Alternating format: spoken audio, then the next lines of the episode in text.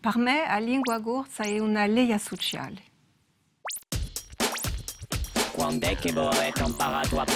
A?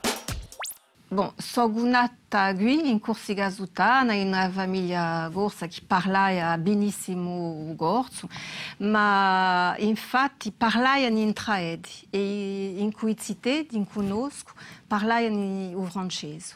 E poi dopo, bon, ho sempre intesa parlare corso in casa, ma dopo ho conosciuto Pascal Marchetti in Parigi, quando i miei studi in Parigi, e Ed ci ha imparato a leggere, a scrivere e soprattutto ci ha insegnato che questa lingua era veramente una lingua. Quando la dublate a lingua corsa?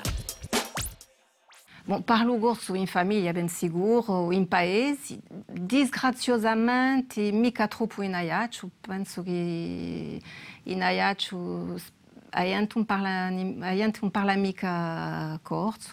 Ma t'hai la chance di lavorare in lingua corsa. Ho fatto parecchi documentari per le emissioni di Anti e fatto un'emissione bislingua, francese, le stesse emissioni, le stesse montato in lingua corsa che si chiama Galleria.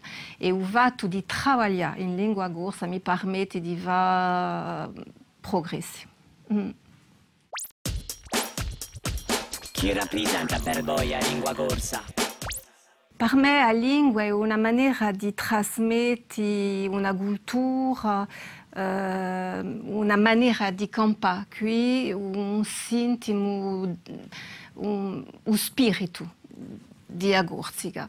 E penso che il fatto che la lingua diventasse, può darsi, ufficiale, eh, sarà una maniera magnifica di, di fare una legge sociale, una spartera tra qui di giunti che sbarcano qui e così eh, entrando in una nostra cultura, staianti qui, diventeranno i gorzi. La bene di lingua corsa?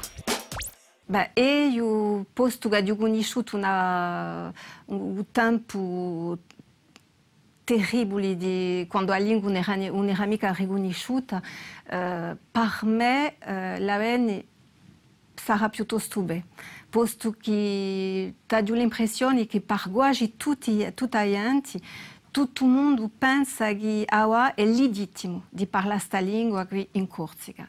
E 30 anos vai unir-me com o gaso.